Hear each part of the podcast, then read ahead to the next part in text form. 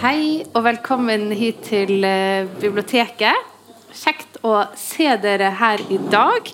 Eh, mitt navn er Maria Amdam, og jeg jobber i programavdelingen her på Bergen offentlige bibliotek. Eh, I dag har vi med oss Madeleine Schultz, som skal snakke om boken sin 'Morslinjer'. Eh, Madeleine har jo vært et kjent navn i eh, kvinnebevegelsen i mange år, og har vært eh, veldig aktiv i den feministiske samfunnsdebatten. I 2015 så kom boken F-ordet 155 grunner til å være feminist, sammen med Marta Breen og tegninger av Jenny Jordal. Hun har jobbet som journalist og kommentator i både Dagbladet og Agenda. Og også eh, jobbet da særlig med feministiske spørsmål. Og, eh, om eh, ja, feminisme og vold mot kvinner, bl.a. Hun har også vært eh, informasjonsansvarlig i Krisesentersekretariatet.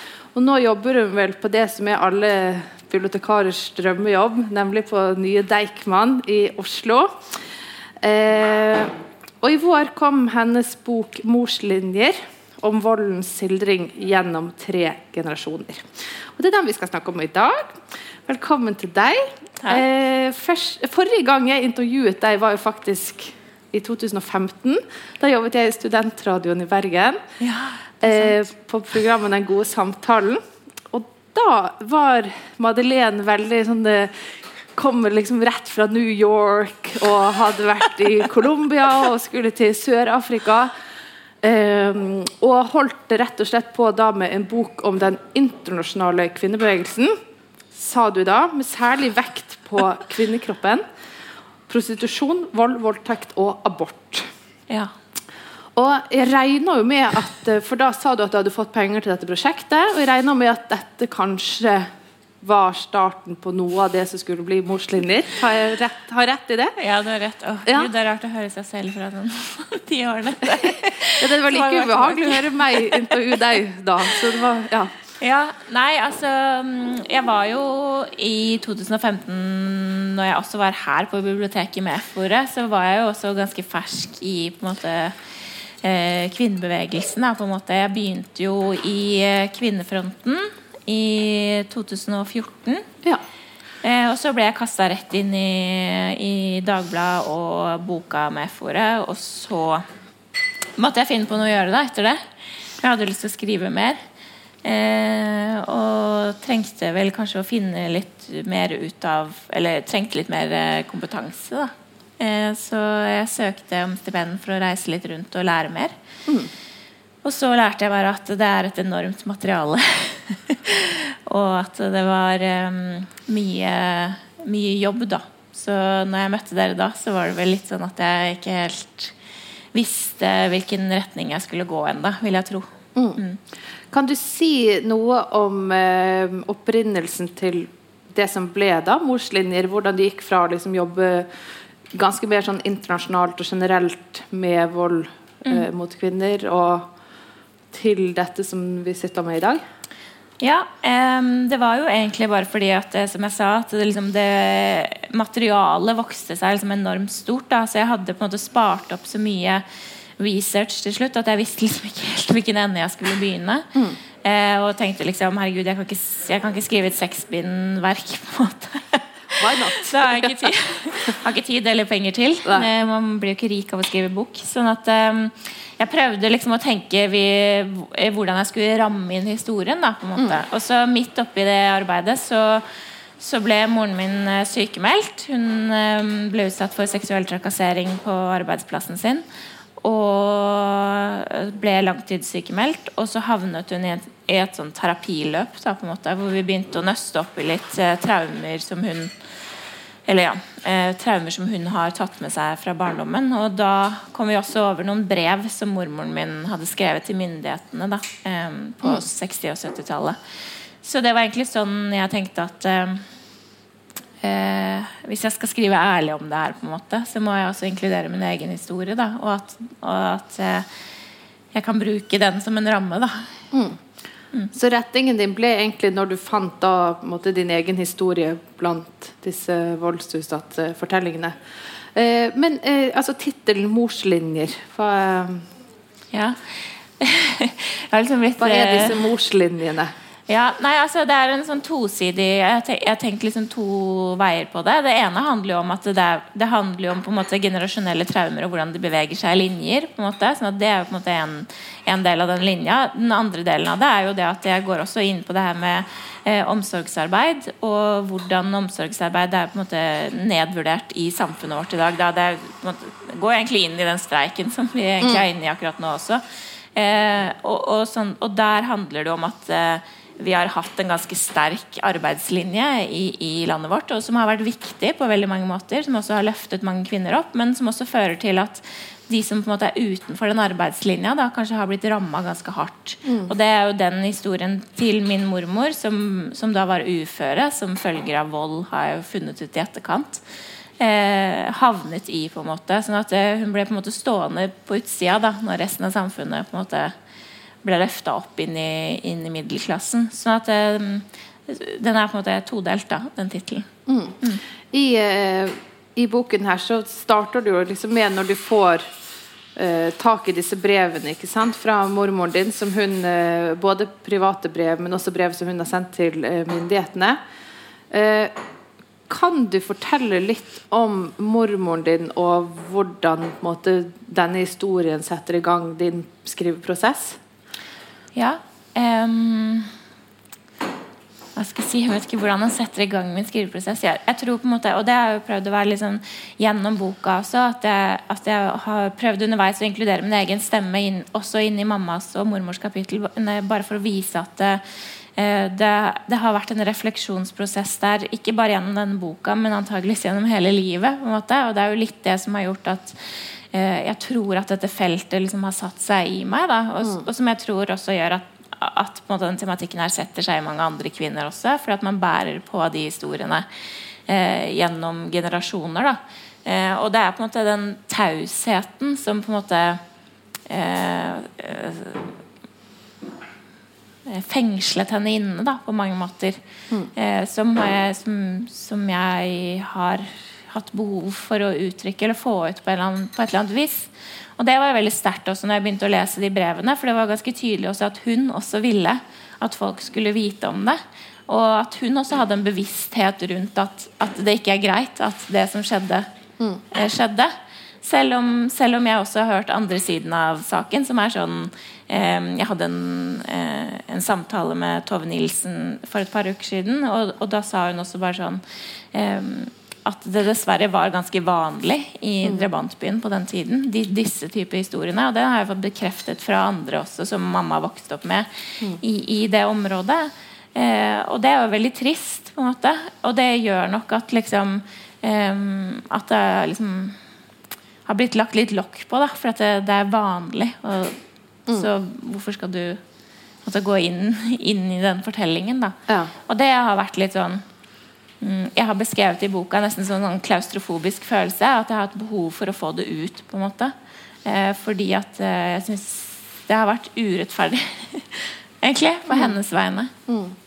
Altså For de som ikke har lest eh, boken til Madeleine, så uh, kan jeg jo fortelle at mormoren din var da nordlending i Oslo. Som eh, ikke var populært på den tiden. Det er jo liksom så rart og uforståelig nå, men eh, nordlendinger ble jo veldig dårlig behandlet her i Søringland. Eh, og de opplevde veldig mye hets og trakassering, og morfaren din var også nordlending. Så de må jo da ha møttes i det du beskriver som litt sånn nærmest sånn nordlandsgettoer, hvor de da samlet seg litt sånn Ja, altså det var jo en sånn greie i Oslo etter krigstiden. Altså, de ville jo ikke ha nordlendinger, de ville ikke leie ut til dem. Og de ville ikke Nei. at de skulle gå på de samme restaurantene som dem. og sånne ting, Så de, nordlendinger hadde ofte egne sånn klubber rundt omkring i Oslo. Ja. Eh, hvor de møttes. på en måte Sånn at eh, Mormor og morfar møttes antageligvis på en av de klubbene. Det vet jeg ikke helt sikkert, men det er Nei. på en måte antageligvis. Um, og, så, så, det var liksom at De hadde jo et utenforskap i det også. Så de var på en måte en slags felles de hadde jo en felles historie der i det utenforskapet også. Um, så det har jeg også prøvd å bare legge inn, og, og det har vært viktig for meg å trekke liksom, noen linjer til nåtid. Da. Jeg tenker at uh, Hvis jeg skal fortelle den historien uh, som jo er ganske gammel nå, liksom, så er det viktig for meg at den er relevant til nåtiden. Mm. Og da tenker jeg jo at på en måte um, datidens nordlendinger, altså mormoren min som var alenemor, mm. kanskje har noe til felles til en del, med en del av de nåtidige alenemødrene som kanskje har innvandret fra mm. andre land i Norge i dag, da, som, som, jo kanskje i enda større grad treffer på det utenforskapet. Mm. mm. Og eh, morfaren din jo, hadde jo også vært i krigen. Vært i Tysklandsbrigaden. Mm. Og kom hjem til Norge og tok utdannelse økonomisk utdannelse her? Eller gjorde en det første, vet jeg ikke helt. Men ja, det var du altså, ja, Det er jo sånn, det er et bevisst valg fra meg også, at jeg har på en måte utelatt Det har jeg fått spørsmål om også. på en måte, at um, det verken er så veldig mye i boka om faren min mm. eller, eller, morfaren min. Noen har trodd at eh, moren min er alenemor, og det er hun jo ikke. Jeg har jo en far. Men jeg har tatt et bevisst valg å liksom eh, plukke ut historien deres. Fordi at eh, jeg mener at det er viktig at man skal fokusere på voldsutøver, mm.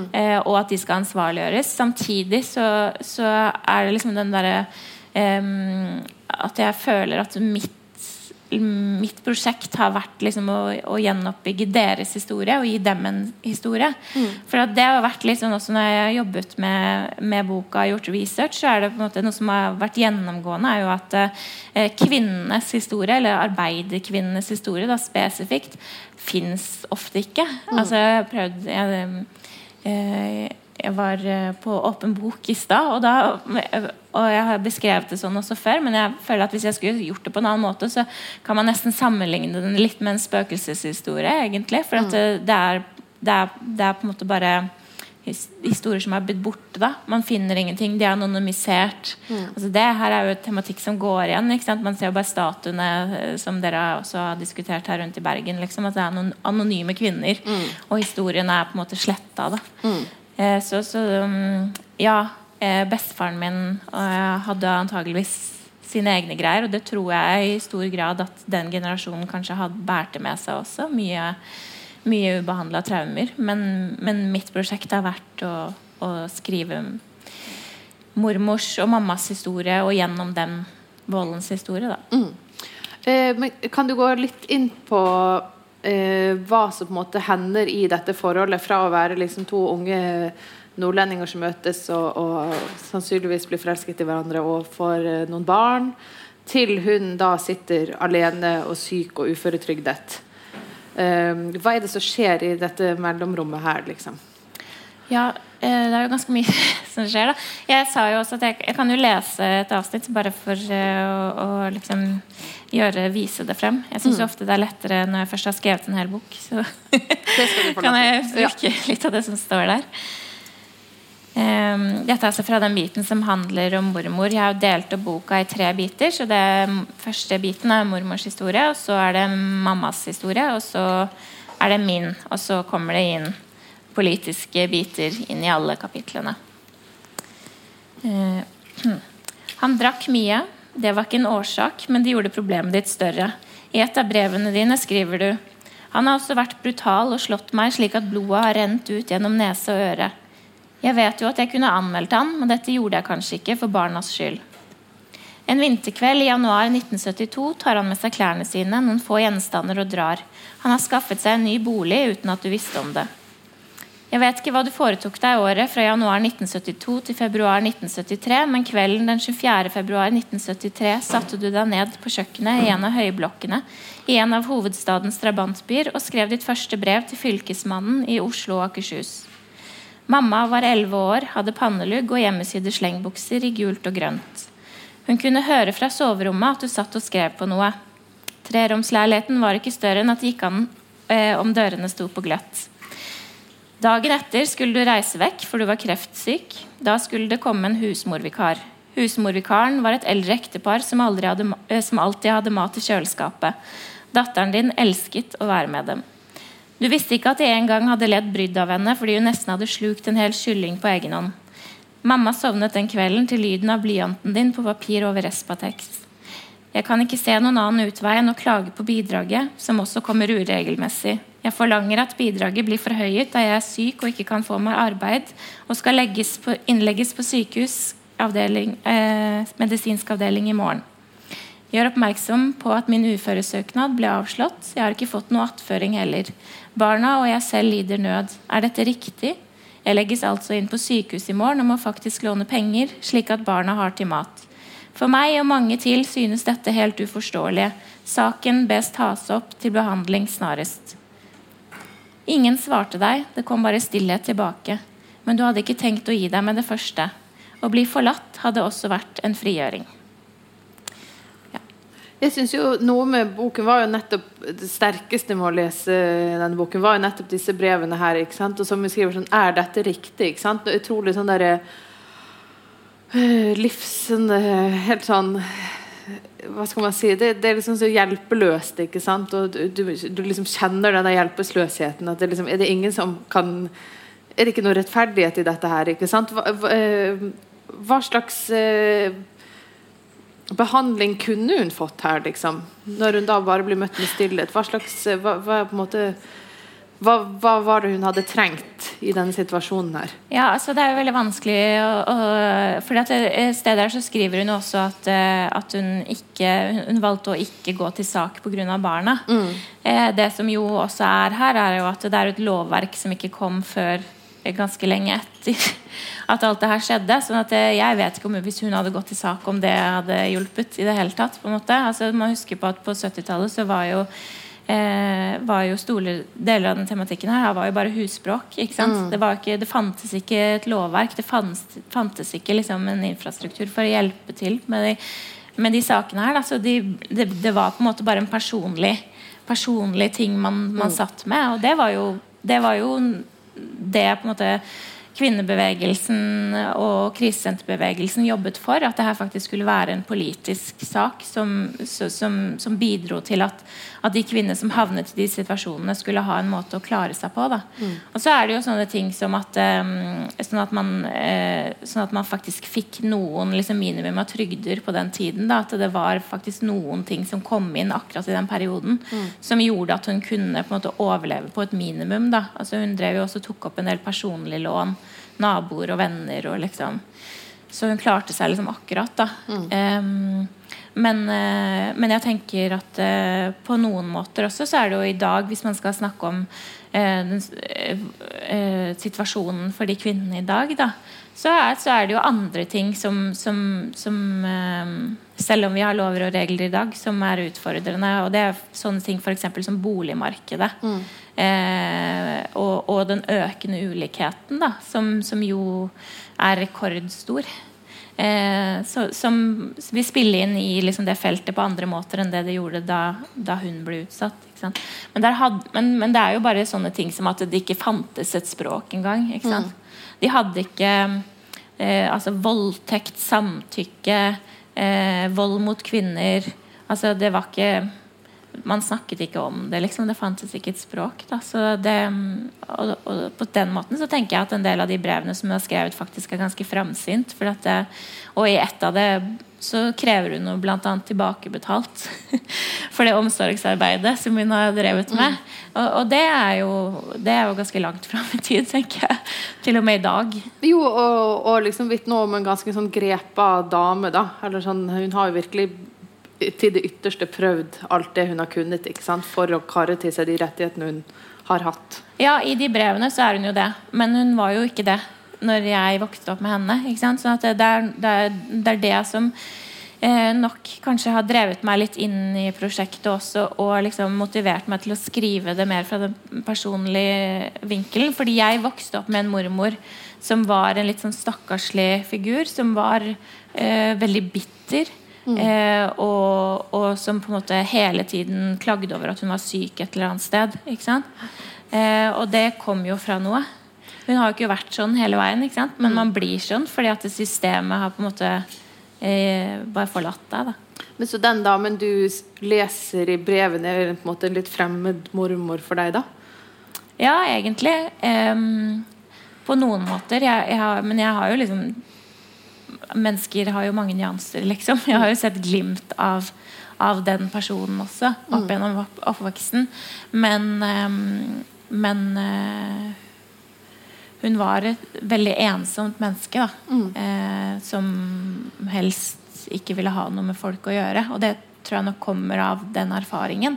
Og det tror jeg nok er, liksom, preger også ganske mange voldsutsatte kvinner ellers også. Altså At det er en ensomhet som blir sittende fast i deg. Mm. Og den ensomheten tenker jeg eh, handler Altså den er vanskelig å sette ord på. da mm. Du skriver jo litt om uh, deres forhold i boken, og liksom særlig dine ungdomsår. At du er en del uh, på besøk hos henne alene, bare du og henne. og sånn. Snakket hun, Fortalte hun noen gang om disse traumatiske hendelsene til deg? Mm. Ja, ja. Var, det hun nå fortalte åpent om, eller var det Ja, det var liksom veldig åpent. Mm. Og det er det litt, er litt sånn um, Men det var i en kontekst av Hun sa hele tiden at 'ingen forstår hvor vondt jeg har det'. Mm. Og så kom det sånne historier som vi bare hadde hørt hele tiden. Og det blir til slutt, når man har hørt de historiene i en hel oppvekst, og liksom de gjentas og gjentas, og gjentas, så bare slutter man å høre. Mm. Eh, og det er jo litt på en måte det antagelig som har formet henne som person også. At ingen mm. ville høre. da Og det var jo litt det som slo meg i brevene også, at ingen svarte. Det. Morsrollen er jo viktig, et viktig tema her, og du skriver litt dette med at eh, volden måte ødelegger morsrollen. ikke sant? Eller at den er vanskelig å kombinere. Um, og du har jo da et særlig fokus på moren din, ikke sant? som da opplever sin mor, altså din mormor, som til dels liksom fraværende og en del sånn mangel på bekreftelse og disse tingene her. Hvordan har denne morsrollen liksom blitt ødelagt av den volden hun Eller påvirket, da? Eller liksom ja, det er jo flere måter. Da. Det er jo på en måte et litt sånn overordna tema i boka som jeg prøver å gå litt inn på. Jeg, og jeg har vært veldig forsiktig med liksom, det å si at den har ødelagt en morsrolle. Mm. For jeg har vært veldig opptatt av også at jeg og moren min har et, har et godt forhold i dag. Mm. Og jeg syns jo og, og liksom um, og, og, det er jo en tendens til at, liksom, at det ofte er mødrene man skal ta et oppgjør med mm. mm. i litteraturen. Og det, og det tenker jeg at jeg liksom ikke har lyst til å gjøre. Um, men, uh, men, jeg tenker at det er noen ting som man jo vet hvis man ser på forskningen. Liksom. Sånn helse, f.eks. Hvordan, på, altså hvordan volden påvirker helse. Mm. Uh, og arbeidsliv.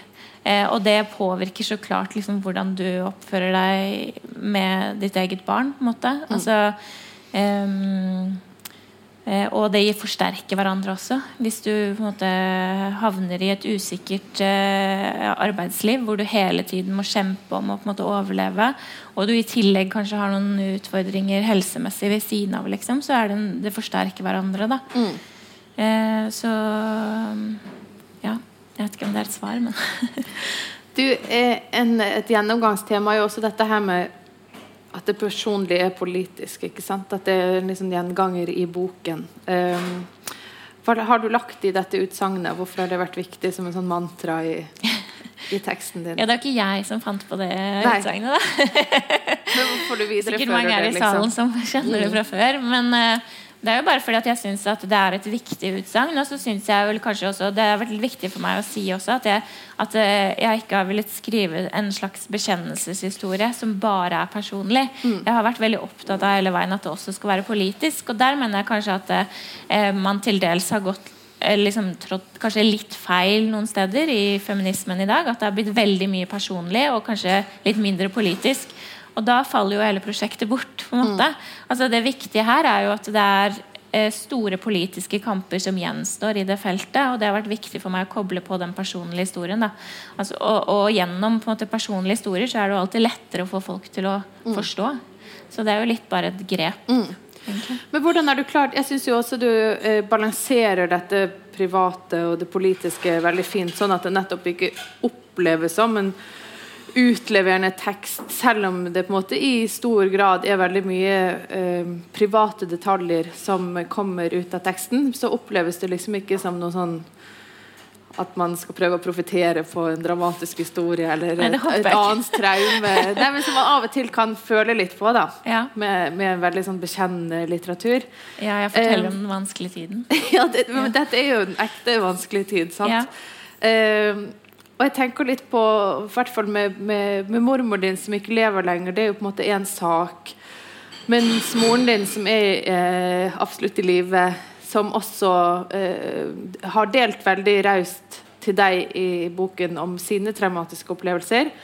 Eh, hvordan har deres samarbeid vært ved denne boken? Ja. Em, Hvor mye har du involvert henne liksom, i prosessen? Og, Jeg har involvert henne veldig. ja. Hun har jo vært med hele veien, liksom, og det har jo ikke vært bare lett heller. For at eh, hun har jo en annen forståelse av Skrive bok med moren sin. det skrive. Ja. Jeg har hatt noen venninner som var sånn herregud, liksom. men, eh, men jeg vil si at det har vært en positiv opplevelse. Bare fordi at, eh, Og også på en måte bare hele det traumeløpet som jeg har fått vært med henne på underveis i boken, har vært veldig viktig og, og godt for oss. Fordi at hun har også selv på en måte utviklet et språk for å forklare ting som har skjedd for, med henne. da eh, og, og det som også har skjedd, er at hun har på en måte endt opp med å få seg en jobb som hun trives i. Ja. Som også har vært en, en, på en måte pågående eh, vanskelighet gjennom hele oppveksten min. Da, at hun ikke har klart å stå i arbeidet. på en måte eh, Sånn at eh, Jeg føler jo at det har vært en positiv, positiv opplevelse, egentlig. Ja. En, for vi møter jo dere bl.a. i terapirommet, eh, hvor du er med henne i samtaleterapi. Eh, hvordan, hvorfor var det viktig for deg å være med på som datter i, eh, i dette rommet? Og var det bare enkelt å liksom slippe inn der, begge to? og slippe til? Nei, altså det, Ja, jeg vet ikke.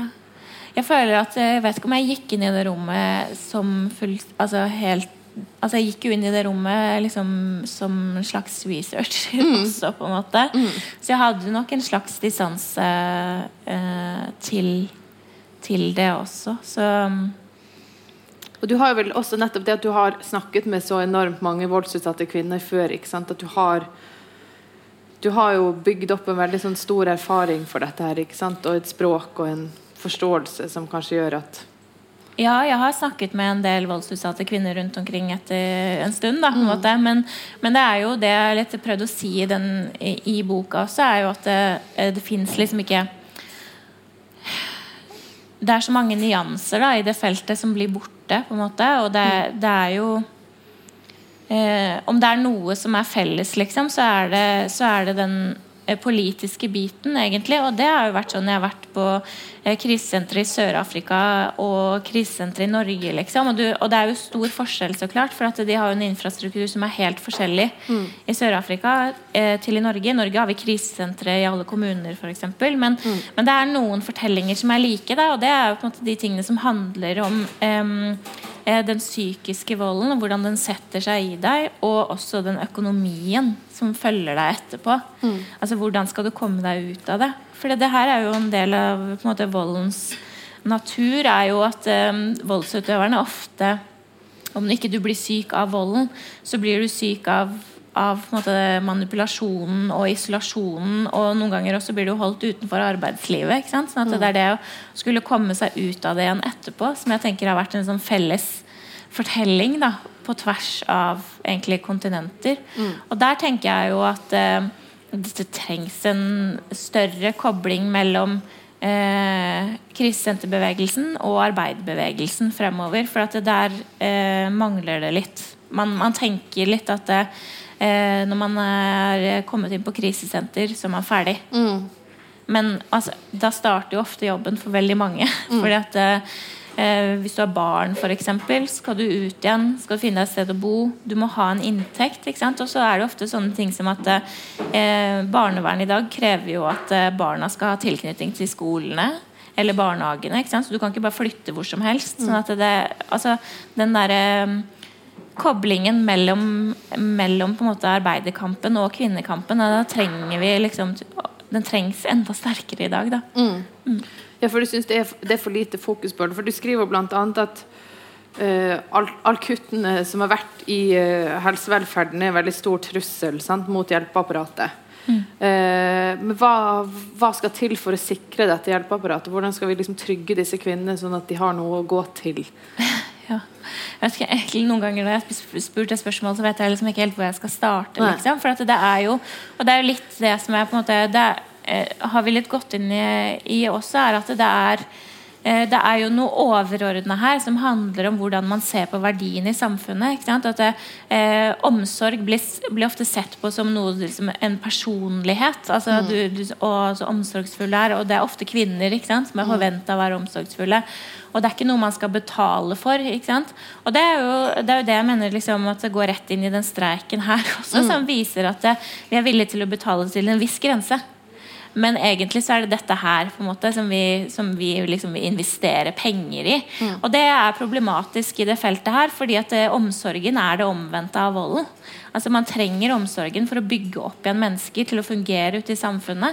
Og når man har på en måte det synet på omsorgsarbeidet, liksom, som at det er mindre verdt, så går det direkte inn i det her. Da. Så det, det, er på en måte det overordna. Og så er det jo sånne, sånne, konkrete, helt konkrete ting. Så handler det om f.eks. at eh, krisesentrene rundt om i landet er knytta til kommunene. Mm. Og innad i kommunene så er det veldig tilfeldig hvordan de jobber med eh, den tematikken her, og hvor mye kompetanse som ligger i de enkelte kommunene. Det er jo eh, jeg tror det er én av fire kommuner bare i Norge som har eh, handlingsplaner. Ja. Og av de som har handlingsplaner, så er det ikke lovpålagt å implementere dem. Det er ingen som passer på at det er blitt implementert en handlingsplan ute i kommunene. Mm. Så det er ganske tilfeldig hvordan måte, det arbeidet sikres da, rundt omkring. Og også på de enkelte krisesentrene. Hvor mye kompetanse man har av måte, hvordan volden faktisk funker inn i et menneske. Da. Mm. Ja. Under koronaepidemien så har vi jo sett en veldig økning i vold i hjemmet, både mot kvinner og barn. Hvilke tanker har dette liksom å jobbe med denne teksten samtidig som vi har sett denne økningen? Hvordan har det vært? Eh, ja, jeg vet ikke helt om man kan si at det har vært en økning. Jeg tror de er litt sånn usikre på forskningen bare fordi det har vært vanskelig å rapportere. Og det er jo det som er problemet her, at politiet sier de har hatt vanskelig for å finne ut hva som egentlig skjer, fordi at man er mer sperra inne bak lukkede dører enn det man har vært før. Mm. Eh, jeg så det var um, eh, en uh, Eve Ensler, som jo skrev The Vagina Monologues, hun skrev en uh, veldig god kronikk i The Guardian i dag eller i går, tror jeg faktisk, om det her på en måte at pandemien har en, en veldig skjønna eh, slagside, som jo handler om at kvinner ofte blir, eh, oftere blir ramma av det her, og spesielt vold mot kvinner har vært vanskelig å få tak i. Fordi man på en måte blir sperra inne bak de dørene. Så jeg tenker at det er grunn til å tro at, at etter at samfunnet åpner igjen, mm. så vil man kanskje se mer vold. Det har man ikke sett så mye nå. Altså, det er jo nedgang i partnerdrap, f.eks. Mm. Eh, og, og, det er liksom spekulasjoner. Altså, forskerne vet ikke helt liksom, hva det er som skjer. Men det man jo vet, er jo at hvis man ser på eh, f.eks. oljekrisen i Rogaland, eh, hvor arbeidsledigheten økte, så øker også volden. Mm. Eh, sånn at når arbeidsledigheten og liksom finansiell altså økonomisk usikkerhet øker, så øker volden også mot kvinner. Og det tenker jeg at det er all grunn til å liksom være varsom på nå i tiden fremover. Og det har vært gjort ekstremt lite med det arbeidet her mm. underveis under koronapandemien. Det har vært snakket nesten ingenting om hva det skal gjøre med mm. liksom, akkurat det feltet her. Vi har eh, manglet en handlingsplan mot vold i nære relasjoner mm. i en del år nå. Den skulle kommet i 2018. Den har fortsatt ikke kommet. Og jeg har prøvd hele denne uka her å få svar fra Justisdepartementet og alt mulig om når den egentlig kommer. Mm. Får ikke noe svar. Så jeg vet ikke, liksom. Nei. Det er et felt som, som, på en måte bare blir liksom stua vekk. Da. Ja, og det skal på en måte ikke være enkeltindividers kamp som skal sette dette i gang. på en måte. Absolutt ikke, men det er sånn samfunnet ja, ja. vårt funker. Da.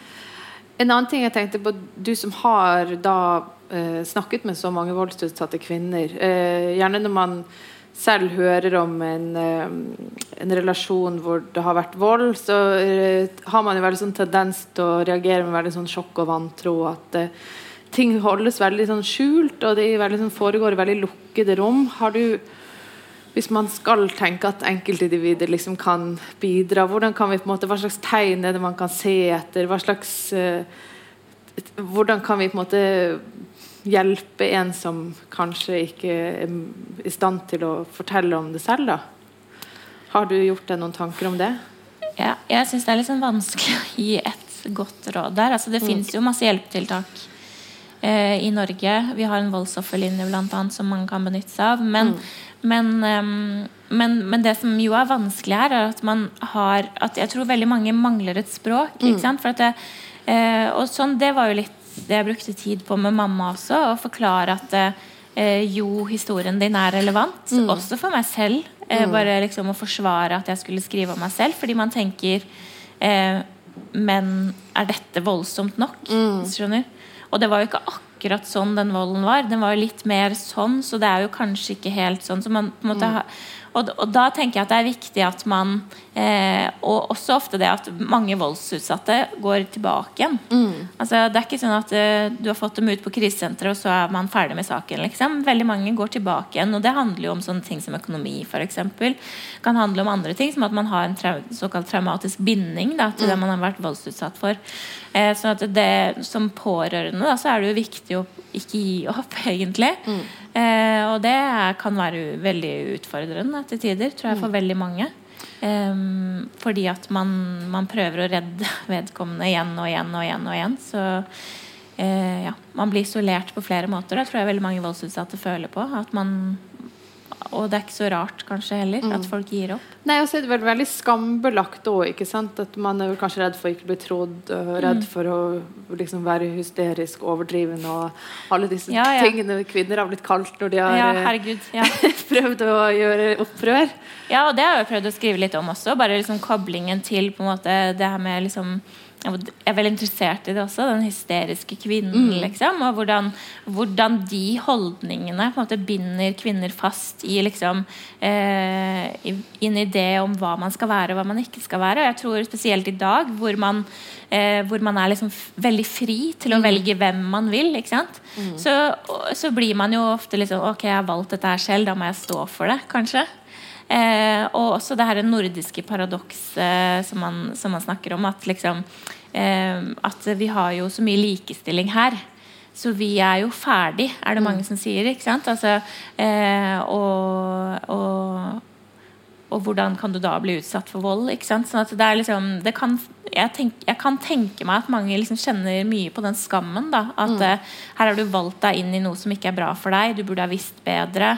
Eh, og vi lever på en måte i et samfunn hvor, hvor, det å velge er på en måte veldig definerende. Da. Altså, eh, individets valg er liksom eh, Det omgir oss, liksom. Og, og, ja, hvis du velger feil da, så tenker jeg at det kan liksom for veldig mange være antageligvis ganske skamfullt. da mm.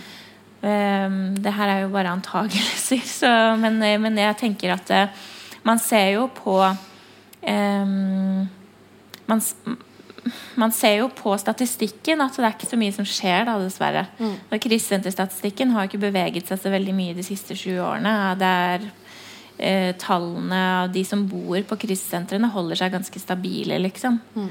Sånn at eh, mm.